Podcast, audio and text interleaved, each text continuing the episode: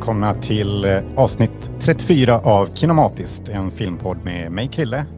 Ille. Och Felix.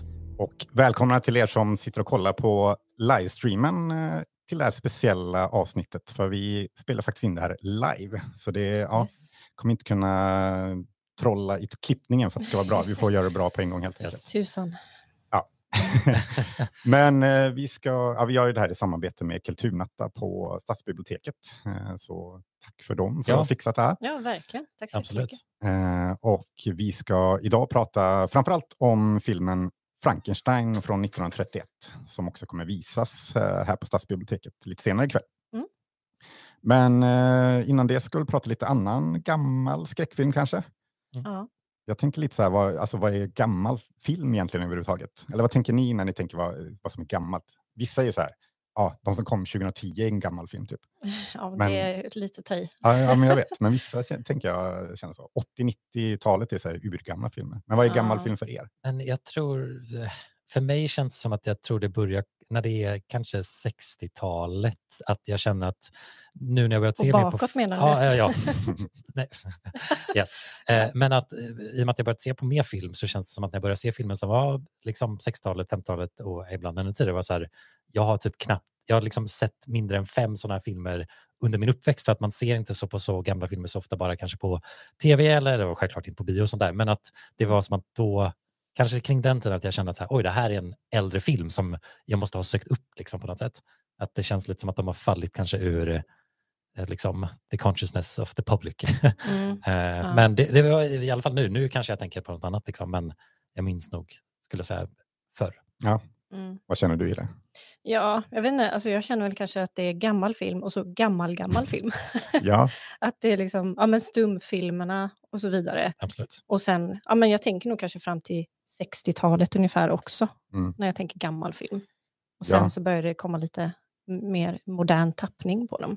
men jag, jag tänkte på det nu idag. Eller det känns som Spielberg är en bra här, övergång till ny film. Mm. Typ när han började på 70-talet. Liksom. Mm. Eh, Hajen känns lite som någon slags, eh, ja, men nu går vi in i en ny era typ, med så här, blockbusters och ett annat typ av filmklimat på något sätt. Jag vet inte. Ja, Ja. men typ att Hollywood har fan, så här, så här gör vi stor, bu- stor budgetfilmer liksom, som vi släpper över sommaren och det har ju typ fortsatt sedan dess. Liksom. Mm. Mm. Det var väl också revolutionerande för just för skräckfilmsgenren med Hajen, Mm. tänker jag. Ja, men precis. Ja, för det, det känns ju, om man då övergår, eh, övergår till gammal skräckfilm, liksom, vad som eh, innefattar det, så tänker jag, vi snackade ju häromdagen om att typ Halloween kanske var första steget in mot ny, men jag tänker Mm. ännu lite tidigare på 70-talet med Motorsågsmassakern, Mm. kom ju 74, känns som en så här, nu, nu, nu börjar något nytt liksom, Ja. skräckgenren. Och den lever ju också kvar som så här, den här borde man se även om man är skräckfan idag, Mm. liksom, medan man kanske inte går tillbaka så här, men ser den här stumfilmsklassen, alltså det nämns inte på samma sätt. Ja, liksom. men kultklassiker. Liksom. Ja, Mm. Mm. Ja, men att man kan se DNA från Texas, alltså Motorsågsmassakern. ja, men går ju till Scream och så. Ja, och till liksom. den X till exempel som kom ut eh, Mm. häromåret eh, som A24 gjorde. Så att eh, det, det, det finns fortfarande ett led av influerade filmer där. Liksom. Mm. Ja, ehm, jag tänkte också, för 68 redan kom ju för sig Night of the Living Dead som känns också lite modernare än Mm. liksom 60-talsfilm. Eh, så kanske den är nästan första nya skräckfilmen. att. Ja, men det kändes som jag också Eh, när... Även om vi är inne på 60-talet. Då. Ja. Svårt att dra en linje. ja, det är svårt. Det är någon Mm. slags övergångsperiod. Ja, men var inne lite på det, alltså typ att man kan ju liksom kalla tidigare filmer lite mer konservativa, medan där runt 60-talet kommer det här lite mer postmodernistiska perspektivet på vad som är skräckfullt och hur de gör film. Liksom att det inte handlar om att kanske upprätthålla samhällets goda vanor eller liksom att det finns en, en mer postmodern tappning till skillnad från en modern tappning gällande bara att det inte är så här, ja, Ja, men också just med, eller just med Night of the Living Dead kom ju den här indie-scenen Mm. lite mer också. Att man kunde göra film, man behövde inte vara i Hollywood för att, eller så, man kunde göra lite billigare film, även. Motorsågsmassakern också. Liksom. Mm. Ehm, nu pratar vi också mest om västvärlden. Jag, är- Absolut. Ja, jo, absolut. precis. Eh, eller USA framförallt. Eh, men det blir ju lätt att man graviterar ditåt. Mm. Mm. Eh, men, eh, men om vi tänker på gammal skräckfilm, har ni sett mycket alltså, gammal, gammal skräckfilm som Hille kallar det? ja, men nej, inte jättemycket. Eh, inte för min del i alla fall. Men eh, jag har ju en favorit Mm. eh, som heter Vampyr, som är från 1932. Av eh, Carl Theodor Dreyer, heter han väl? Yes. Eh, så den är ändå en film som jag uppskattar väldigt mycket. En av mina favoritskräckfilmer faktiskt. Mm. Som, ska jag dra handlingen eller vad? Ja, du kan berätta lite kort om den bara om du vill. Ja, men det är en man som besöker en by och han är väldigt intresserad av eh, det övernaturliga och just vampyrer. Och så blir han, eh, ja det är en man som kommer fram till honom och säger att han måste hjälpa till att rädda hans dotter som har blivit biten av en vampyr då.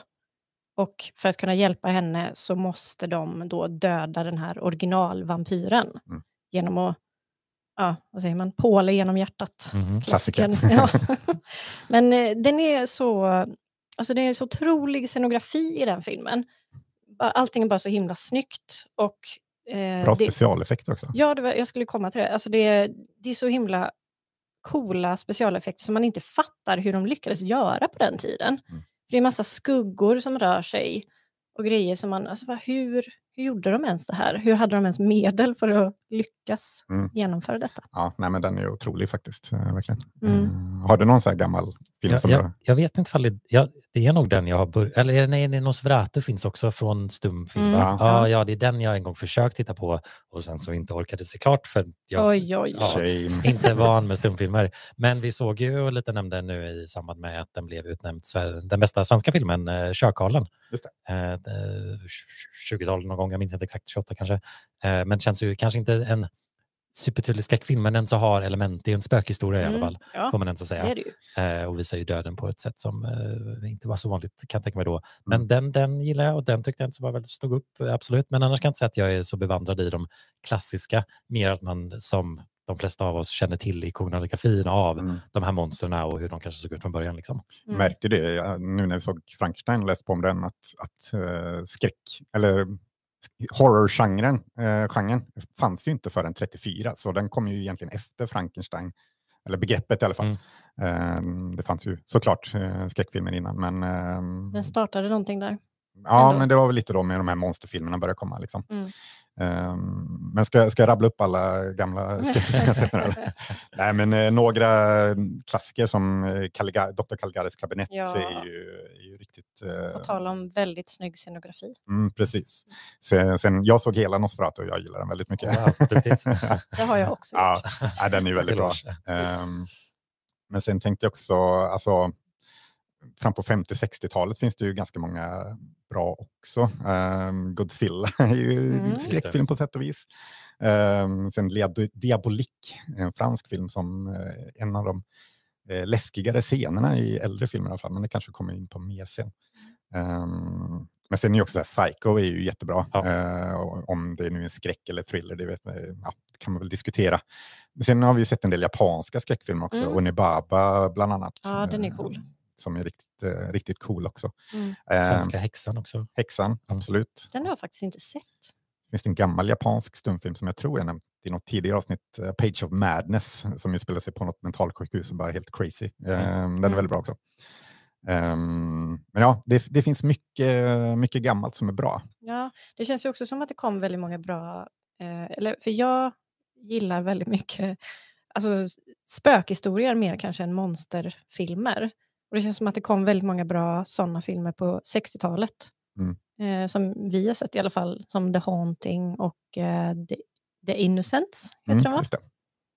Ehm, som är baserade på böcker, då, bland annat Shirley Jackson och ehm, ja, vad heter han som har skrivit The Turning of the Screw? Jag kommer inte ihåg författarens namn. Ja, nej.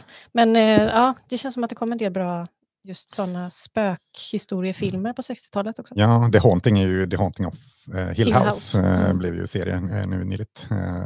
Och den filmen känns som, känns som serien, eller Mike Flanagan har tagit väldigt mycket av den. Det är väldigt mycket så här eh, vålnader eller gestalter som står någonstans och sen försvinner de liksom, Mm, i mm. bakgrunden. Ja. Ehm, så ja, man, man kan ju tydligt se influenser från Mm. de här gamla filmerna också. I, i, i, Absolut.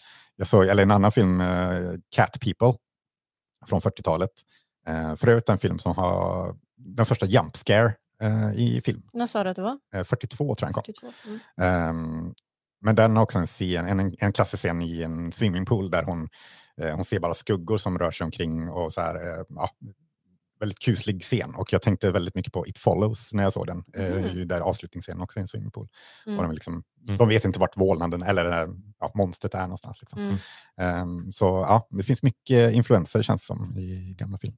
Så Mm. är man, är man, eh, är man nyfiken på skräckfilm, gillar man skräckfilm så tycker man borde gå tillbaka till de här klassikerna också och se vart allt startade. Absolut. Ja, precis. Ja, men det är också Ah. kul med de här. De kan vara mysiga på ett lite annat sätt eh, som vi kanske nämnde också för att de, de kanske inte känns riktigt så jobbiga att titta på, stressande liksom. Det är inte, det är inte jump scares var tionde Nej. minut. Så de, de, är, de är mysiga att slänga på också tycker jag bara att eh, Bara för få... att få en stämning. Ja. Ja, jo, men för att det här- så mycket handlar om så här kostym, scenografi eh, snarare än specialeffekter på ett mer eh, direkt sätt. ja, man kan ju verkligen uppskatta mer av det konstnärliga i dem. Men kan man, bli, kan man bli skrämd av gamla skräckfilmer? Ja, jag vet inte, kanske inte jättemycket. Eh, som sagt, det känns som, att det mest är en stämning och en estetik och någonting som man bara vill vara i en stund. Mm. Mm. Eh, det kan ju vara läskigt, men jag skulle inte säga att man, eller det beror väl på personen, men det är kanske inte, inte så lätt att bli rädd på det sättet. Men det är väl kanske för att vi eh, lever nu också. Vi är så vana vid att det är jump scares i nästan varenda skräckfilm och alltså att de hela tiden försöker toppa sig själva med specialeffekter och att allt ska vara så realistiskt och så äckligt och så skrämmande som möjligt. Mm. Man hade ju inte de möjligheterna förr i tiden. Då var det mycket lättare att se att det var en kostym. Liksom. Samtidigt så liksom vad vi anser är skräckinjagande idag är ju eh, inte detsamma som var skräckinjagande då. Så te Nej. tematiken och vad de visade som fasansfullt Mm. är ju helt andra värderingar. Liksom. Mm, ja, Eh, det är med. Och så att det blir ju lite där, kan man bli rädd för någonting som inte liksom, kulturen är rädd för? Eller liksom, vissa saker är väl odödliga, hajar kanske alltid var läskiga, men liksom kanske inte... Inte innan 75. Nej, exakt. exakt. Inte på samma sätt. Nej. Nej, Kan nej, tänka mig. gud. Det var väl en eh, ganska stark effekt av hajrädsla efter den filmen. Ja. Eh, men eh, att det det är ju lite kul med skräckfilmer, eller liksom att man kan ju se det som att visst man, man får leva sig in i dåtidens kultur, alltså moralpanik eller liksom det, Mm. det är en Mm. häftig väg in till hur tänkte folk på den tiden? Vilka teman var det som visade liksom ett samhälle eller något negativt? Liksom? Ja, nej men som sagt det blir ju oftare mer en stämning som kan vara ganska kuslig ibland. Alltså jag tänker både, både Nosferatu och eh, ja, Vampyr. Alltså, det är, inga feelgood-filmer som man bara så här, åh vad mysigt här. Eller det är Nej. mysigt på ett sätt, men det är, liksom, det är ändå lite creepy ändå, skulle ja. jag Jo, säga. jo. Men det, är nästan som att det kan vara mysigt creepy. Ja, men det beror på vem man är som person Ja. också. Mm. Ehm, Jag har inte sett alla, jag har inte sett Nej. inte någon uppenbarligen. Måste plugga? Felix. Ja. Men, ehm, men det är liksom, vad, vad är det man blir rädd av nu? Eller, så, eller vad blir ni rädda av när vi ser film? Och då tänker jag inte jumpscares, för det blir alla rädda av, Nej. men det är ju inte på riktigt. Liksom. Alltså, Oj, vilken bra fråga. ja. Jag vet inte varför, men jag tycker att det är väldigt läskigt med barn som spökar. Alltså Mm. döda barn. Mm. Jag vet inte varför, men det tycker jag är väldigt, väldigt creepy. Ja, jag, jag försöker tänka på liksom också den, de olika kategorierna av vad man tycker är läskigt. Liksom så här, vissa saker kan ju vara obehagliga att titta på, vissa saker säga jag vill inte se filmer med det temat. Mm. Eh, men jag tänker den som kanske fått mig mest skrämd av moderna skräckfilmer är nog Hereditary. Mm. Mm. Eh, och det finns några scener där, då är det också ganska eh, enkla en medel, liksom att det är typ en främling som står eh, knappt synlig i ett, liksom ett mörkt rum. Mm. Och liksom Ja. man får själv lite upptäcka det, minns jag var creepy, för det, det påminner mig nog mer om egna mardrömmar, att man, eller liksom rädsla att man typ går i sin lägenhet och så tänk om någon skulle bara stå där. Liksom Mm. inte göra någonting, men bara stå i ett slutet av en liksom, hall. Ja, men ja, det- men det håller jag med om. Det är också det jag tänker, det är typ det läskigaste. Alltså en Mm. monster eller seriemördare känns inte så läskigt på Mm. det sättet, utan just att det bara står någon där. Ja. Mm. Därför är ju typ The Shining kommer alltid vara läskig för de här jävla barnen som bara står i korridoren. Ja. Det är alltid läskigt liksom. Ja, men precis. Och, ja, men det är väl också någonting med när de inte visar för mycket av någonting. Mm. När bara det lurar i mörkret och man hela tiden, eller det liksom undgår kameran hela tiden på något sätt. Ja, men jag tänker att det, det är därför det känns som att eh, i Alien är det så effektivt för att de inte visar för mycket Mm. av Alien. Och samtidigt tänker jag också att det handlar så mycket om att bygga stämning. För jag tror inte Mm. jag kan bli så, liksom, om en skräckfilm börjar för snabbt med det är skräckinjagade så tror jag att liksom man bara, nej, eller liksom, Ja, man måste avmättat, vurmas liksom. upp och lite tappa sig in i filmen Mm. för att man ska sen bli överraskad. För Hereditary är också liksom någon typ jump scare, men är man oberedd på det och det inte görs för mycket så då reagerar man ju liksom. Mm. Jag tror jag inte minns den filmen att jag liksom så här drog tillbaka fötterna liksom för att man så här, ah, den fick mig liksom. Och man känner lite den adrenalin-rushen liksom typ. Ja, men jag känner ju, eh, It Follows känner jag ju en, eller framförallt en scen. Och Ja, ni som har vet. sett den vet vilken Yes. det är. när, eh, Mm. när skepnaden kommer i dörr, jag. dörrkarmen. Ja, Och det är typ en jumpscare men inte riktigt. Mm. Den är, inte- det är inte den här det är inte höga ljudet Nej, inte och liksom bara, plötsligt nej, så, utan den lite bara mer kryper sig upp. alltså jag Mm. får ju rysningar bara jag tänker på den. Ja, Och det är den så här, är riktigt... jag vet när jag såg det första gången, jag kände som bara hjärtat bara liksom ramlade ner och ut någonstans. Alltså Ja. det, nej, det, var, det är nog den läskigaste scenen jag Ja, sett. den är väldigt creepy alltså. Ja, är fruktansvärd. Ehm, men också en, en väldigt bra eh, skräckfilm, Mm. Mm. skulle jag säga. Ja, ja, men det är den. Ehm, men sen, eh, jag skrev upp några andra exempel, eh, men alltså en smal film, en österrikisk film som heter Hotell, jag tror du såg den med mig. ehm, just det. som är liksom, man får inte veta någonting om går mest bara i mörka hotellkorridorer ute i skogen. Eller de filmar mycket i skogen fast man ser typ inte vad som händer. Alltså, det är, Mm.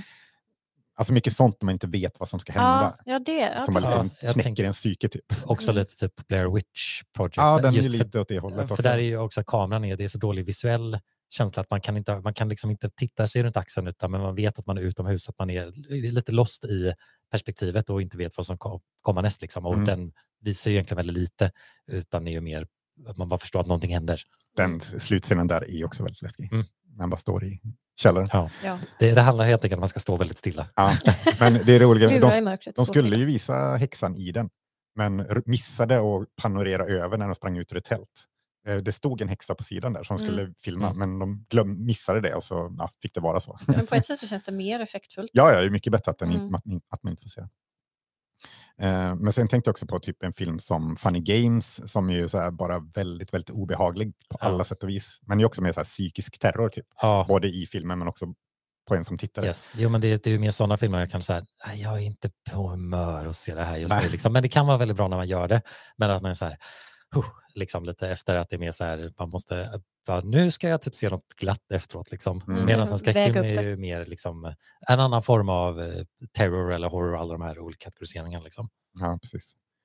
Eh, Men har ni, just det, ja, men jag tänkte på några så här gamla eh, creepy scener från gamla, den här Le, Le Diabolique som jag snackar om. Det finns en klassisk scen när eh, ett lik reser sig ur ett badkar. Det är väl också mer en thriller än en skräckfilm kanske, men en, ja. Men han liksom, ög- man ser bara ögonvitor. Eh, De har mördat den här tidigare i filmen och så sen bara reser den sig upp väldigt sakta. Det är väldigt creepy. Eh, kollade, på det, kollade om den scenen idag, fortfarande ganska läskig. Alltså. Mm. Mm. Den kommer på eh, 60-talet, nej 50-talet till och med. Mm. Eh, men också, också en scen ur en film som heter Black Sabbath, eh, som är någon antologifilm. Eh, där den sista är, det är om någon gammal eh, tant som eh, någon yngre kvinna hyr ett rum av, men också verkar hon vara död och så blir hon mer och mer så här förmultnad och så till slut typ så här svävar hon. Det är så här väldigt märklig ljussättning och det, ja, det är också en väldigt creepy scen. Ja. Så det, ja, det finns ändå några, men det är som sagt, där blir det också mer så här, ja, det här är mysigt creepy, Mm. än, än att så här, blir, man blir riktigt rädd. Liksom. Mm. Mm. Ehm, men eh, ja, det, fin- det finns ju kusliga filmer i alla fall, men kanske Ja. inte så skrämmande filmer. Nej, men precis. Men har ni någon, eh, har ni någon annan, har ni någon film från så här, när ni var små som ni så här, oj det där är för läskigt? Eller har ni något så här minne av en skräckfilm när det har blev, pratat om tidigare. Eller Jag tänker, för jag har ju pratat om Scream till exempel som jag såg för tidigt. just det. Och den ärrade ju mig och jag kunde inte sova den eh, natten och jag var typ sju. Ja. Eh, och för då var det också några lik så typ, som hängs i ett träd i början och det var liksom så här, "Huh!" det var too much för min, eh, mitt barnhjärna att ta emot. Och du hade väl din bror som visade dig? Japp, min brorsa visade ju mig alla möjliga filmer när jag var liten. Mm. Eh, och jag minns att han visade mig Poltergeist bland annat det, då, när jag var det. åtta eller nio och jag grät mig själv till sömns efter det.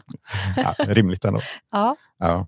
Jag har något minne när jag försökte se Exorcisten, jag är ännu inte så liten, men eh, ja. eh, mm. ja, den visade han mig också. Ja, ja. jag var ju rädd för typ den trailern minns jag. eh, Man kunde se på typ så här, kom hems liksom reklamkanal och då hade de Exorcisten ibland. Jag sa, "Nej, det här, jag vill inte, nej.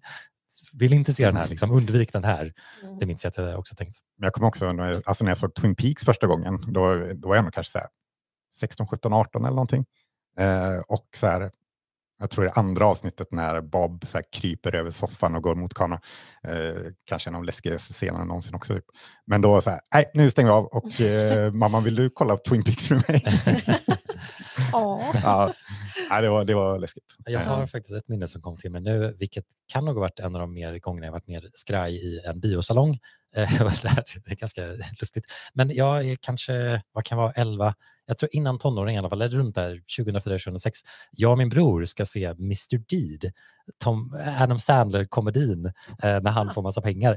Ingen bra film, det är en Adam Sandler-komedi från en... Det låter inte som någon skräckfilm. eller? Nej, det är det verkligen inte. Men det var kanske en av de första filmerna jag typ så här såg bara med min bror på bio utan våra föräldrar. Liksom. Mm. Och jag minns att när trailerna visades så var jag så rädd att vi hade gått in i fel salong. Mm. Att plötsligt skulle någon av de här trailersarna som jag tyckte var otäcka börja spelas. Och så var jag fast där. Men sen så kom ju då Adam Sandler och allt var lugnt. Liksom. Okej. Men eh, jag var ner- nervös innan och så bara, åh nej, jag kommer få se något jag inte vill se nu. Liksom. Ofta du kommer ihåg det här. Ja, nej, men det är 100 procent, det kommer jag ihåg. Mm. Mm. Men det är lustigt med skräck på bio ändå. Eller jag vet inte, alltså. Vi har ju snackat ibland om så här eh, humor på bio, att man har svårt att skratta för alla andra, alla andra skrattar så mycket. eh, och det typ tar udden av skämten ibland. Eh, men, men hur känner ni alltså, med skräck på bio? Alltså blir ni rädda då eller, eller tar det liksom udden av det också när man ser det med andra? Eller? Jag känner att jag har Mm. sett väldigt lite skräck på Ja, bio, för jag har med. liksom inte sökt upp det där, utan det har blivit mer att något man slänger på hemma på något sätt anledning. Men jag Mm. tror jag också växt upp med att säga, nej, jag vill inte se skräckfilm. Och sen så blev man lite runt 17, 16, alltså det vände lite att så här, man började gilla dem, men det var, det var väl enklare så här, nej men jag, liksom, kanske enklare att ta det valet än att liksom dedikera sig att nu är jag fast i den här Mhm. biosalongen. Ja, då kan man pausa. Ja, ja men typ lite. Eh, jag vet inte. Men nej, jag, jag, har, jag förstår vad du menar, men jag kommer inte på några bra exempel för att jag har blivit störd eller inte. Men jag skulle kunna tänka mig att jag tycker folk skulle säga, oj, men gud, så farligt var det inte. Nej. Och då Mm. plötsligt ska man liksom så här, jag tycker inte så läskigt. Ja, ja, jag, två, två minnen jag kom på från skräckfilm på bio. Dels, jag såg Hereditary på bio och då var det ju, då började ju publiken göra de här klickljuden som dottern gör i början, typ, för att så här, ja, nu ska vi skrämma alla andra. Aha. Och det blev så här, Ja, men- sluta. Ja. Så det var ingen bra upplevelse. Um, jag har sett om filmen sen, jag älskar ju filmen. Men, eh, men eh, dålig upplevelse på det sättet. Eh, motsatsen var när jag såg eh, A Quiet Place. eh, som jag tänkte, ja, bio, alla kommer prata och äta massa saker och det kommer låta jättemycket och dålig stämning bara. Men typ så här, fem sekunder in i filmen, så, eftersom den är så tyst, alla bara var helt tysta Mm. hela filmen. Ja. Ehm, där, där fick ju dock filmen motsatt effekt, för jag gillar ju inte Quiet Place överhuvudtaget. Ehm, så en bra bioupplevelse till en dålig film och sen en dålig bioupplevelse till en bra film. Mm, Ehm, ja. Så jag vet inte vad, eller vad kontentan av det här är, men, eh, men det var bara två minnen av skräckfilm på bio Ja, ändå. ja. Ja, jag har ett minne i alla fall. Och det är återigen med min bror då på bio. eh, ja, men vad tusan heter den? Som är så lik The Ring, japansk. Eh, vad heter den? Ju-on? Ja, precis. Jag kommer inte ihåg vad den engelska titeln är. Men, Nej, jag vet inte. ja. The Grudge. ja, The Jaha, Grudge. ja. Just det. Eh, och då kommer jag ihåg att vi satt och såg den och han somnade och började snarka. och jag tyckte den var jätteläskig för det är ju ett spökbarn i den. Mm, Så, det värsta. Ja, det värsta. Så jag, jag kollade knappt på filmen och så skämdes jag jättemycket för att min bror somnade om. Så jag liksom puttade till honom hela tiden så att han skulle vakna. Jobbigt, två olika sorters stress. Liksom. Ja. Mm. Vad gjorde det för filmen? Eller, blev du, eller var du bara fokuserad på att eh, din brorsa inte skulle sova? Ja, nej, jag vet inte. Jag, tyck, jag, ja, nej. jag tyckte mest det var jobbigt att titta på den för, Ja. eftersom att det var ett spökbarn. Ja, just det. Eh, Ja. Men det, kan, det är väl alla överens om då, att barn är det läskigaste som finns Ja, ja, ja, Nej. ja. nej, men på film. jag gillar ju inte heller om det är alldeles för gory. Alltså jag tycker inte om när man liksom får så här close-ups på alltså, köttiga sår och grejer. Riva bort naglar är väl något du inte Ja, gillar? herregud, prata inte ens om det. Ja. Jag har fobi för det. Ja. Ja, sånt, eller ja, det kan ju ibland vara lite... Jag tror inte så, man typ såg Brain Dead, liksom den här Peter Jackson som i filmen, att det kan finnas lite kul med den typen, men att det gärna får Men vara med glimten i ögat. Ja, då. precis. Det får vara pajigt då Ja, i så fall. mm. Men om det ska vara på ett seriöst sätt, om man verkligen så här får se närbilderna Mm. när det bara är jätteköttigt. Oh, Ja. nej, Fast det kan också vara kul när man ser någonting som man säger, oh gud, jag har inte tänkt på att det skulle kunna ske. Och det känns som att det är liksom så här, man får den där, liksom så här, man känner av, man liksom, spegelneuronerna får en att känna att så här, nej, aj, aj, aj, liksom typ. Mm. Eh, det, det kan jag tycka är lite Jo, kul, alltså, men inte överdrivet. Ja. Jag känner inte att jag är så sugen att se liksom, är det sa eller det, det finns alltså bara den, alltså, Mm. att det blir för mycket gore-effekter, liksom, det, det, det känns bara tråkigt. Ja, nej, det, ja, det känns tråkigt. Jag Ja, med. Eh, Men ja, jag tänker mer på typ American History X, liksom, snarare, ja. Ja. yes, vi eh, kan lämna det. Ja. Men vi kanske ska lämna det överhuvudtaget och gå in på Frankenstein istället. Ja. Ehm, som är det här avsnittets huvudfilm. Mm. Eh, och som sagt kommer visas här på biblioteket lite senare ikväll. Ehm, och vi har ju redan sett den. eh, och ska Ja. prata om den nu. Och kommer kanske spoila den. Så om Ja. ni tänkte se den sen och eh, eh, inte vill veta någonting så får ni väl stänga av här eller någonting. Eller gå, om ni kollar livestreamen och ska kolla sen så får ni väl gå därifrån. Ehm, Mm. men ehm, också så här, vart har ni varit de senaste 90 åren som inte vet vad den handlar Ja, om? det, och från någon som har sett den, det känns inte som att det är så mycket att spoila på ett Nej. sätt. Nej, den, den bygger inte på Inte twists and turns. Farlig spoiler. Precis. Men, ehm, ja, men först lite vad den handlar om. Någon som är sugen på att dra handlingen? Ja, du kan göra det. ja, men jag kan väl dra den väldigt kort. Då. Det handlar ju Mm. om um, Viktor Frankenstein. Ehm, Fast han heter ju Henry i filmen. Just det, han heter. Henry i filmen. För Viktor var för läskigt, eller var för elakt eh, konnotation i, ja. i. USA, så de ändrade så han heter Henry Frankenstein istället. Han heter ju Victor i boken. Mm. Ehm, men han ehm, ja, blir väldigt intresserad av att ehm, återuppliva döda saker. Ja, eller han har ju upptäckt det här. Liksom, Precis. Hur man gör det. Ja. Mm. dedikera sitt liv Eh. till experimentera. Exakt. Ja. Eh, och till slut gör han det med en människa. Eh, tar någon gammal eh, hängd mördare eller någonting va? Ja, de gräver ju upp lik. De, han har ju byggt ihop den med sina egna händer, som man Precis. säger ett par gånger i filmen. Ja. Eh, från olika kroppar. Precis, olika likdelar. Och så ska de ha en, en smart hjärna i den här kroppen. Men hans eh, assistent eh, misslyckas lite med, med hämtandet av hjärnan. Så det blir en, en inte så smart hjärna. Och eh, ja, katastrofalt resultat av hela experimentet får man väl säga. Mm. Helt enkelt. Ehm, det, är väl, det, är väl, det är väl det det går ut på egentligen. Ja, att man får följa Frankenstein sen också. Precis, Gud, man får- Nu säger jag nu... Nej, monstret. monstret. Monstret Ja. får man följa hur han eh, ja, tar sig loss från eh, slottet liksom, Yes. och försöker väl, in, in, kanske inte leva i samhället, men försöker i alla fall Vill ju vara en del av samhället. ja, på något sätt. Vill, Mm. vill. Vill Ja. accepteras av någon. Han vill ha en vän. Och Ja. samtidigt får man väl följa Henry Frankensteins eh, galenskap också. Ja. Som blir mer och mer tilltagande ju Mm. längre filmen går kanske. Ja. Ehm, men ja, ehm, Den är ju baserad på en bok. Den är baserad på en Ja. bok eh, av Mary Shelley, eller av eh, Mrs Percy Shelley, Ja, som det står i filmen. Hon fick Ja. inte ens stå vid namn faktiskt i första filmen. Ja, det kände jag. Jag hajade till direkt när jag såg det. Bara, ursäkta? det var en annan tid. Ja, man jag säga. vet. Eh, I Bride of Frankenstein, eh, uppföljaren, så står det faktiskt eh, Mary Shelley. Mm. Ehm, men ja, ehm, vad har ni för tankar om filmen? Hade ni sett den innan? Eller var det första gången ni såg den? Det är första gången jag Första såg gången. den. Ja. Mm. ja, jag hade sett den förut, men det var länge sedan. Mm.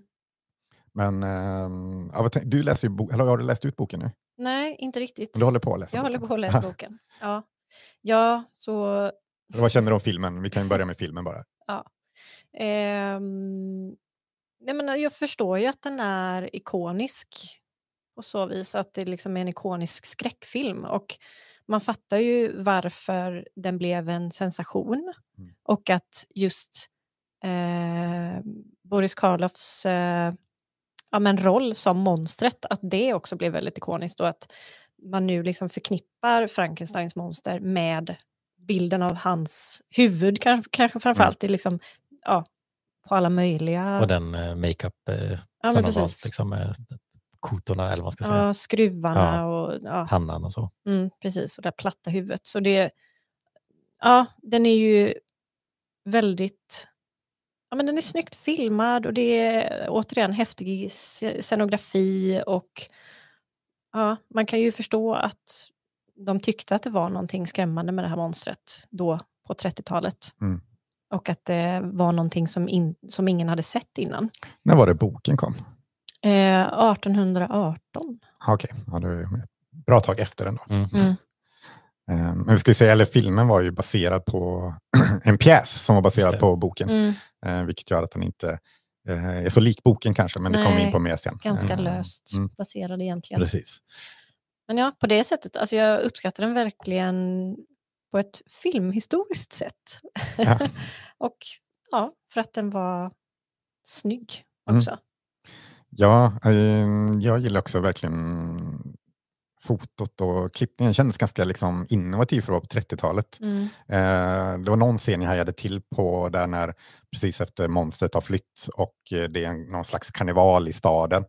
Eh, och man får se liksom eh, eh, Ja. dansare Mm. som dansar mot kameran typ. Och sen korsklipper de det till träd som monstret möter när han försöker gå igenom skogen. Liksom. Ah, Mm. okej. det var väldigt det. snyggt klipp Mm. på något sätt. Ehm, Inte det jag tänkt på. Men, Nej, mm. men och det fanns lite andra scener också som jag så här, imponerande filmat liksom. Eh, Mm. Hur de hade tänkt och löst eh, rent fotografiskt typ, Mm. och klipp, eh, i klippning. Men också scenografin då, som är eh, väldigt snygg, framförallt i slottet eh, eller vad man ska kalla det. Laboratoriet. Ja. Ja. Eh, känns ju väldigt, eh, väldigt tysk expre- expressionistfilm. Eh, känns väldigt Caligari eh, inspirerat. Mm. Och man känner ju verkligen av att filmen är närmre teater i och med att de är byggda s- i scensättningar i en studio. Liksom, Mm. Att de verkligen kan kontrollera och ha, använder de expertisen för att göra någonting filmiskt. Liksom. Ja. Ja. Men det tyckte jag var lite roligt. Att du tänker Jag på tänkte, jag tänkte be dig Ja. säga det du läste Nej, om men, det. ja, precis. Jag läste Ja. en, eh, en recension. Eh, Alltså, En modern, gammal? nej, ja, på Letterboxd, då, Ah, okej, den här filmappen. Eh, där någon hade skrivit “Please iron the sky”. Ah, För det är en bakgrund då, Ja. när de är bland bergen där då och letar efter monstret. Så är det liksom, ja, himlen ser väldigt skrynklig ut Mm. i bakgrunden. jag bara Yes. tyckte det var jättekul. Ja. Please iron the sky. Ja, nej, men, det, men det blir som sagt det blir lite mer teaterkänsla av det. Mm. Eh, och eh, finns ju viss charm i det också. Eh, just eh, att det ser Ja. nästan lite billigt ut ibland. Jag också. älskar sånt. Ja. Ehm, men vad tycker ni om själva, eller alltså övrigt storyn typ? Alltså jag kan ju tycka manuset, storyn är ganska tunn ändå. Eller det känns som den är ganska rushed. Ja, Eh, det jo, går ganska men, snabbt eh, till liksom. Absolut, man är ju van med en film som etablerar eh, tematiken och bitarna snabbt. Den här går väldigt snabbt in på att ja, nu blir det ett problem och nu löser vi och så är det slut. Att den känns som att den är ju bara 70 minuter lång. Mm. Så att det känns absolut som att det saknar kanske de här 20 minuterna i början och kanske lite mot slutet. Eh, så att jag håller med om och det är väl med, av tidens typ av dialog att det känns lite stolpigt, även ifall det finns ju de här klassiska linjerna som It's alive, It's alive Mm. och sånt där. Mm. Liksom. Så att den har ju lite intressanta moment eh, rent manusmässigt, men det är inte, det är, det är inte därför man tittar på den. Liksom. Eh, men eh, ja, nej, för, ja, jag tyckte nog också överlag att kul att se allt det ikoniska och se var det kommer ifrån. Liksom. Eh, och att ja, scenografin, jag instämmer i det ni har sagt i princip.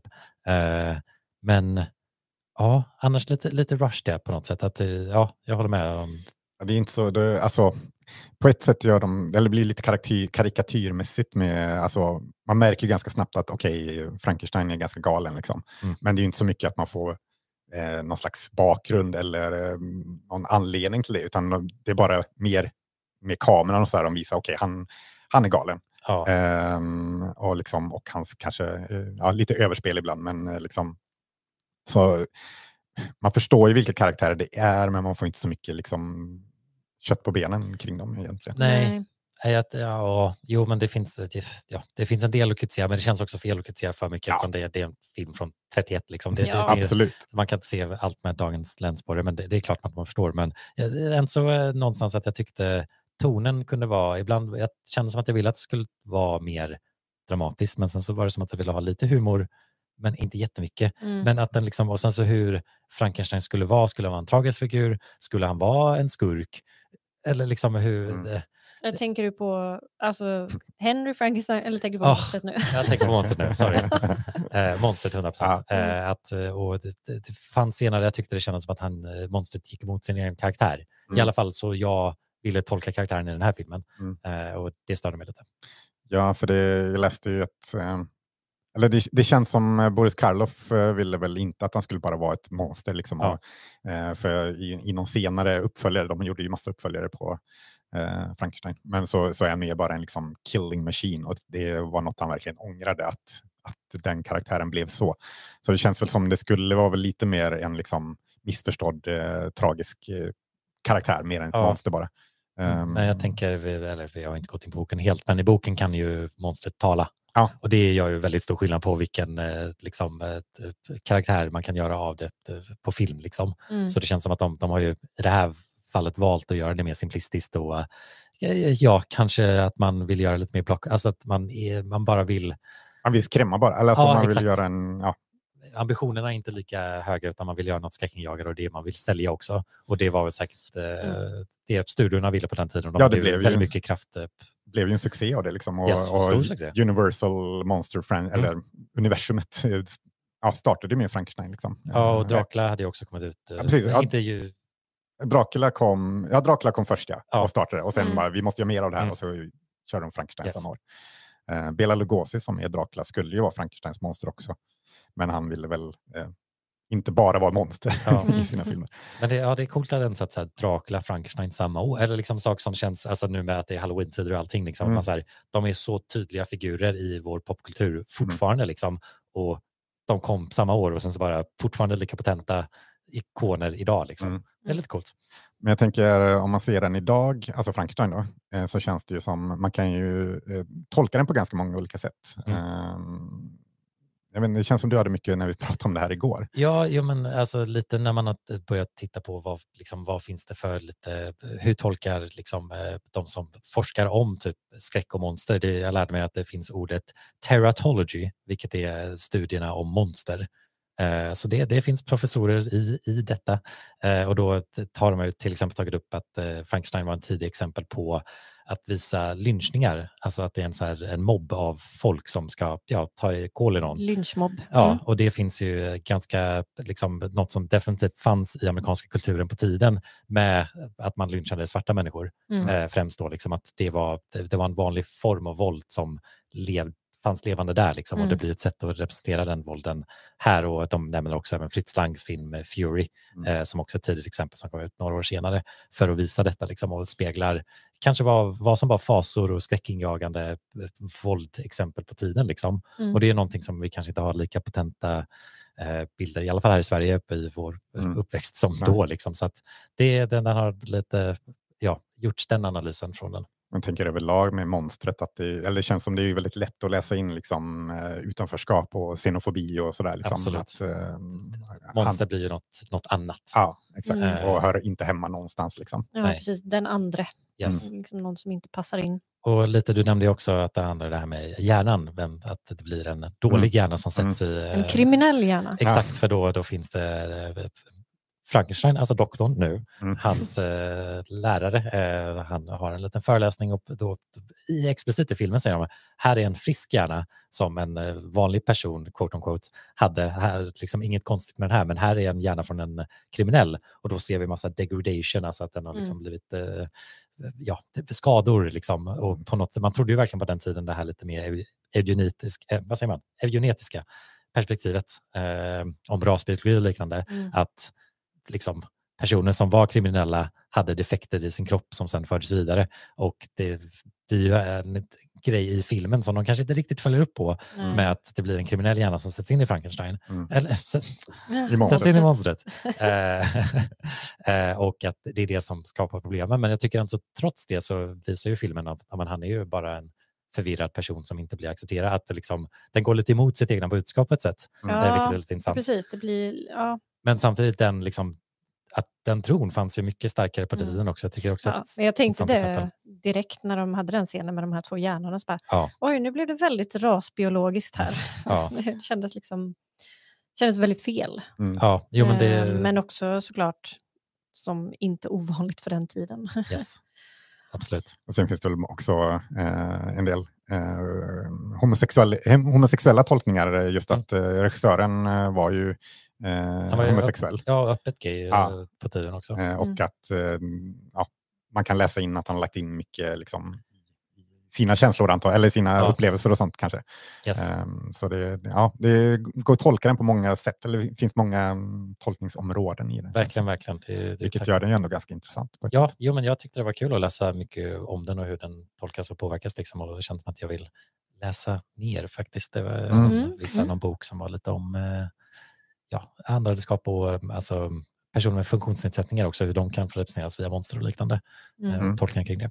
Men apropå böcker, eller hur känner du som precis håller på att läsa boken? Jag läste den för jättelänge sedan, men det känns Mm. som du är mer i den just nu. Ja, ju. Eh, Hur känner du liksom eh, den står sig mot eh, boken Ja. så att säga? Jo, alltså medan jag tittade på filmen så var jag så bara, men vad har de gjort?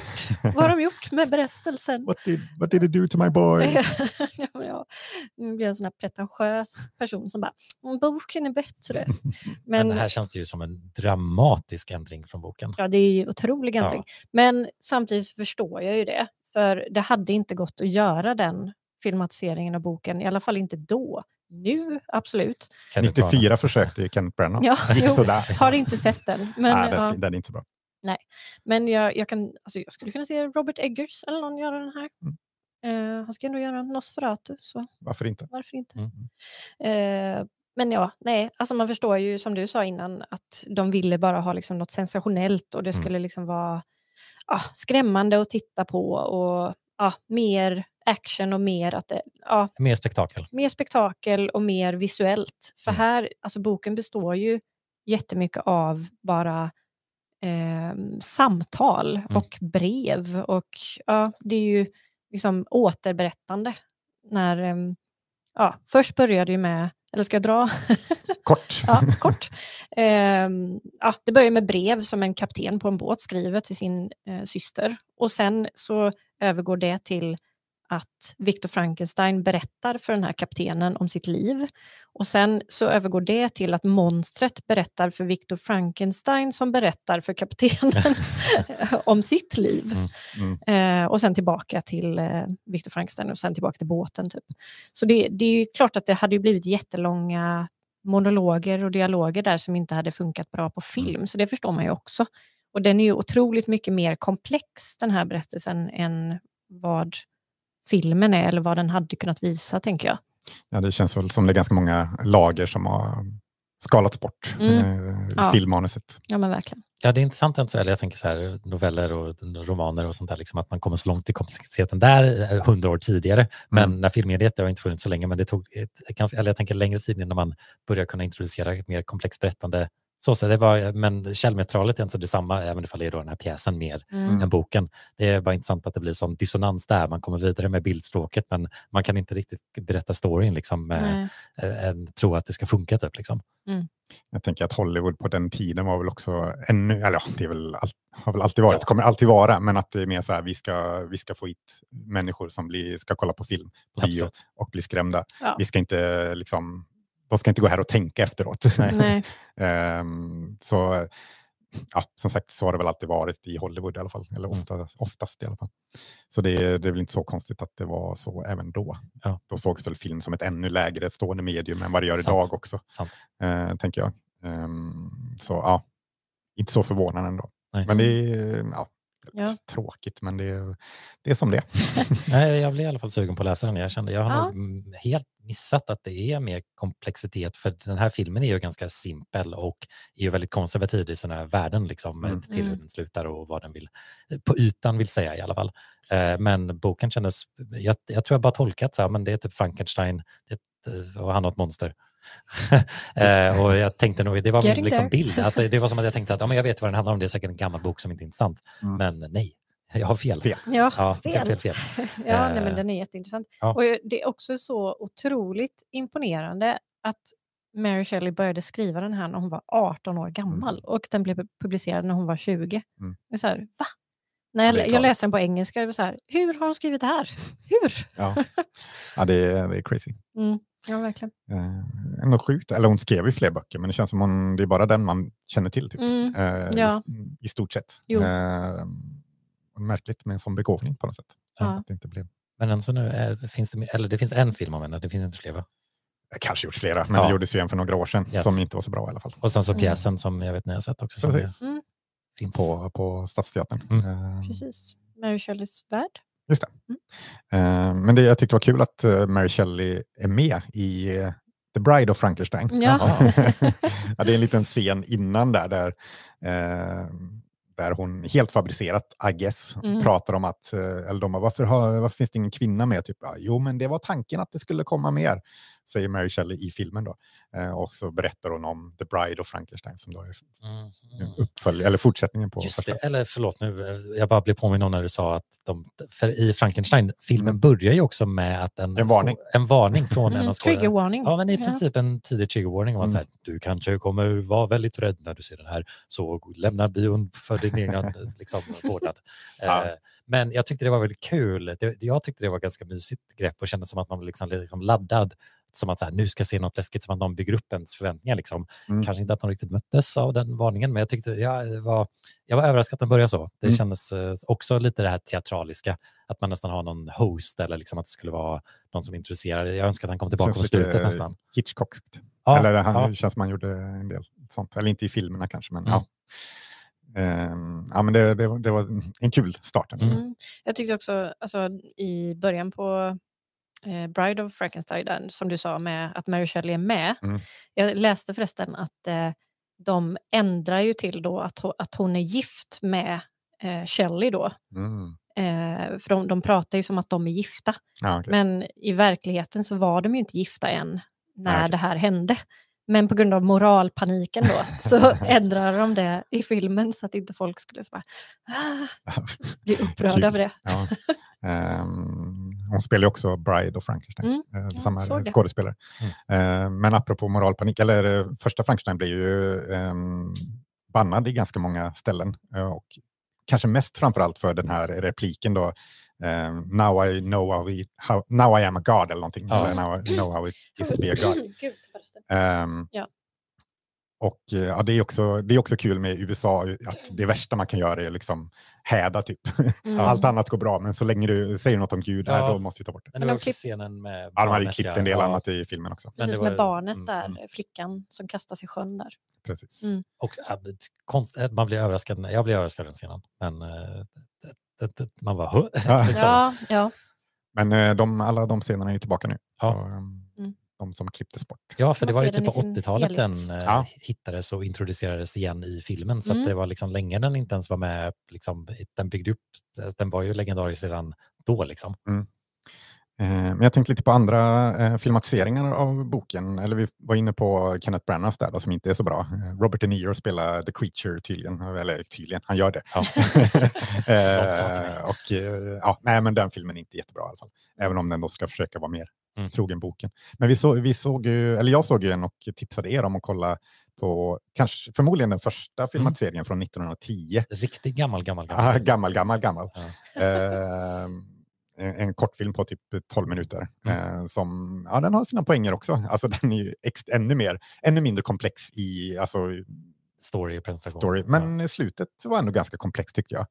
När ja, han, ja, när, ja, ja, men faktiskt. när, för, för monstret då försvinner i en spegel, eller spegelbilden är kvar, men han försvinner och sen kommer eh, doktor Frankenstein då och ser monstret i spegeln, ser sig själv fast ser Mm. monstret och bara okej, han är monstret. Ja, Mm, och ja. sen så försvinner monstret. Så försvinner hans monstret egna ja, spegel blir precis. tillbaka. Liksom, det är som att så här, ja, det blev ett helt annat eh, perspektiv på, på vad det här monstret var egentligen. Ja, också ganska cool skapelsescen eh, Mm. när, när han skapar monstret. Eh, coola effekter för, att för de 1910 framförallt.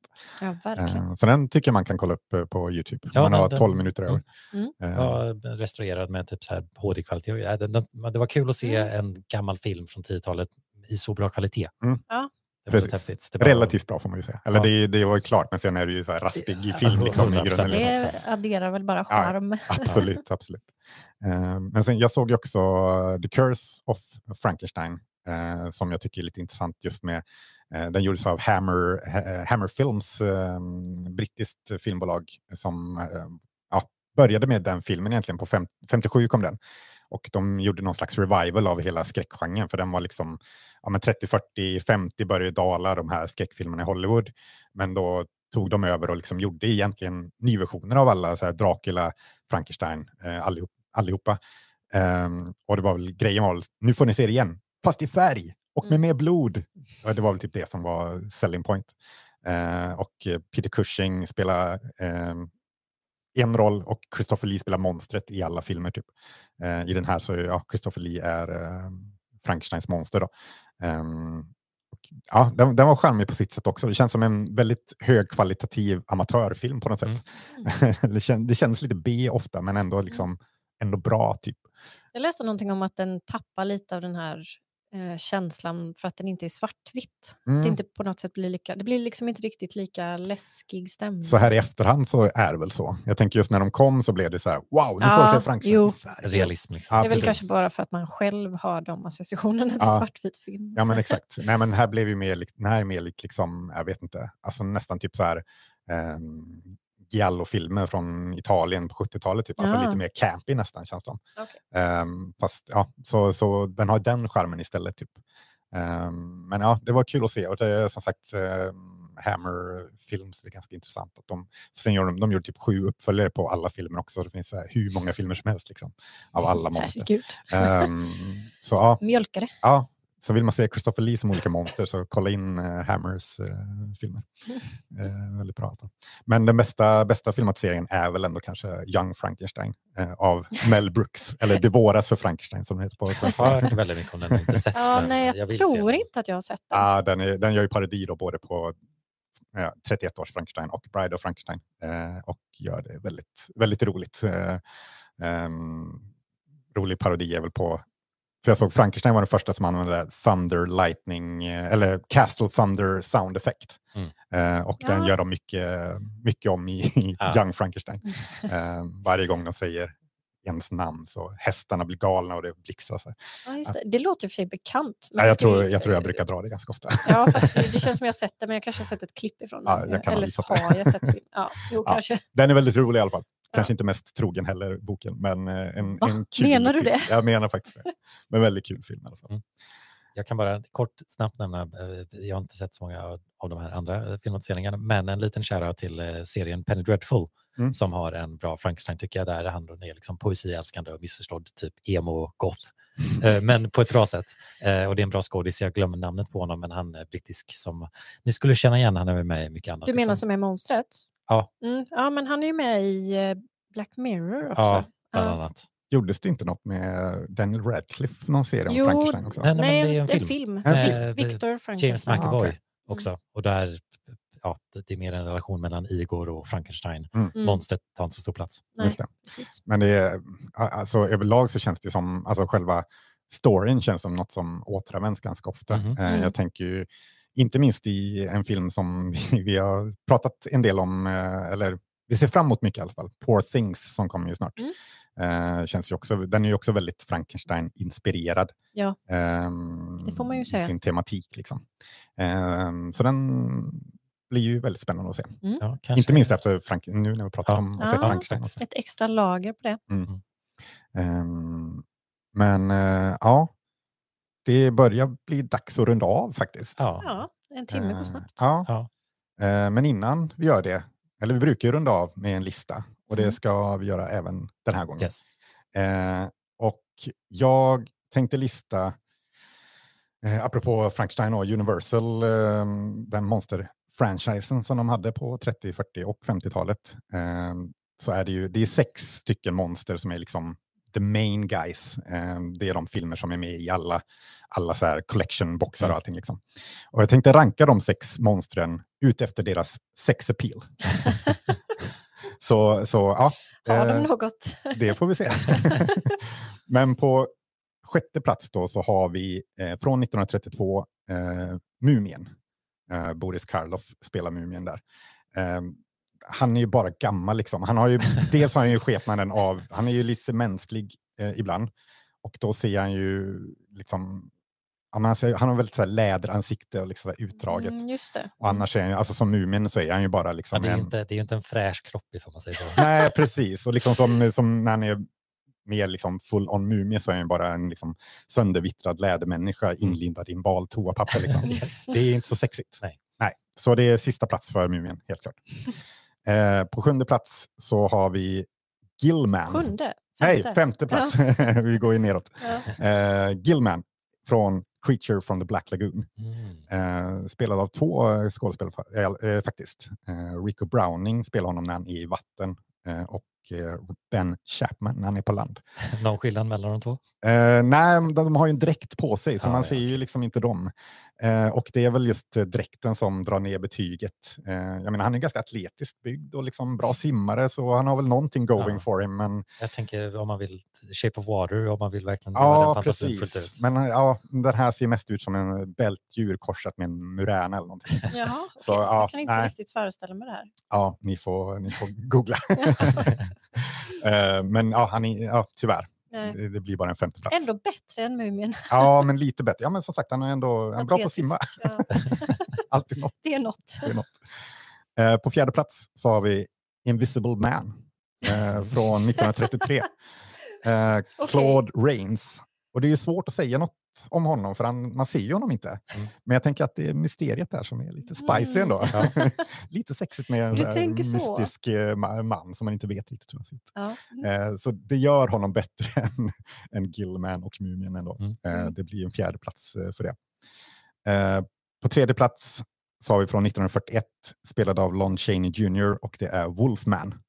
Mhm. Ehm, Mm. Och ja, håriga män är väl aldrig någon höjdare direkt, men eh, Eh, För vissa. för vissa. Eh, men det känns ändå, de här djuriska instinkterna känns ändå liksom på något sätt, ja men det här varulvar känns lite så här sexigt ändå. Känns lite närmare passion på något sätt.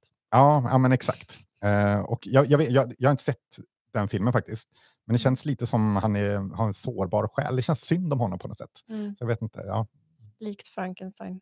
Ja precis. Mm. Ehm, så ja, det, det får upp honom på en tredje plats ändå i alla fall. Mm. Eh, på andra plats så har vi Frankensteins monster. Inte Frankenstein. Frankensteins monster. Ehm, Boris Karloff igen, bättre den här gången än med Mumien. Ehm, och jag tänker det är den här, alltså, ganska liksom reslig, muskulös liksom. Ehm, och samtidigt så här, den här lite liksom, sexiga lodis-stilen, typ. Lite så här, trasiga kläder, lite så här, ja, halvdrogat ansikte. Ja, men Mm. precis. Ehm, ja, det finns ju någonting där, Mm. känner jag, helt klart. Och ska man tro Young Frankenstein så är han ju också bra i sängen, men ja, det lämnar jag där. Va? Ja, ni får se den filmen. Ja. Och det, det finns också Sons of Frankenstein. Så att, eh, Han, ja, Ja. Fast då är det ju Dr. Frankensteins just det. Son. God damn it. Du måste verkligen lära dig vem som är vem. Eh, men etta eh, känns eh, solklart Bela Lugosi som Dracula. Ja. Eh, alltså det, det känns svårslaget. Liksom. Vampyrer är ju typ per definition sexiga i nästan alla, Ska väl vara det. förutom Nosferatu då, där kanske Ja, inte riktigt. nej, kanske inte. Eh, men jag menar, eh, Grev Dracula har ju, han har liksom eh, klassen, stilen, eh, dialekten, Mm. eh, charmen, han har allt. Mm. Eh, så det känns... har- Modet. Vad sa Alltså du? kläderna, modet. Ja, Mm. sti, ja, stilen tänkte jag. Där, liksom. Ja. Men, ehm, så därför känns det som de andra är inte ens nära egentligen. Han är ju solklar etta. Mm. Ja. Den, den, det är monstret med mest sex appeal från eh, Universals Monster eh, Collection. Japp. Ehm, ja, Ja, bra lista. har ni tankar? Vem är eran etta? Nej, jag vet inte. Maila oss. ja, ja, om, ni, om ni vill ha synpunkter på listan så ni som kollar livestreamen får gärna komma ner och snacka med oss eh, här efter, Ja. eh, efter inspelningen. Eller om ni har synpunkter på något annat också då, inte bara listan. Jag vill bara veta vem som är er sexigaste monster. Eh, och annars, eh, ja, skicka in era bidrag på vår Instagram eller någonting. När vi får en poll. Ja, precis. Mm. Ehm, men ja, det var väl egentligen allt vi hade för den här Ja, gången. Ja. säg om nästa avsnitt. Ah, vi vet inte vad det blir, Nej, just Nej. det. Vi har, så vi får se. Ännu en anledning till att gå in på Instagram och kolla. Ja, precis. Eh, Men det exakt. kan vi ju säga då. Följ oss på Instagram, vi heter Kinomatiskt. Följ oss på Spotify. Lyssna på oss Spotify. där. Ja. ja just det. jag tänkte, så här, Spotify? ja, men jag lyssnar inte på podden i Spotify. Nej, Eh, nej, det, det finns det andra ställen Man kan också. lyssna på den på andra Ja, ställen. man måste Ja. inte lyssna Nej. på Spotify. Men ni får gärna recensera eller betygsätta vart ni nu lyssnar. Ja, och Letterboxd finns vi också på. Absolut. Eh, men ja, Ja. nu har det gått exakt en timme så det är väl lika bra att runda av här. Ja. Eh, tack för att ni har lyssnat. Ja, och tack så mycket. eh, hej då! Hej då. Hej då!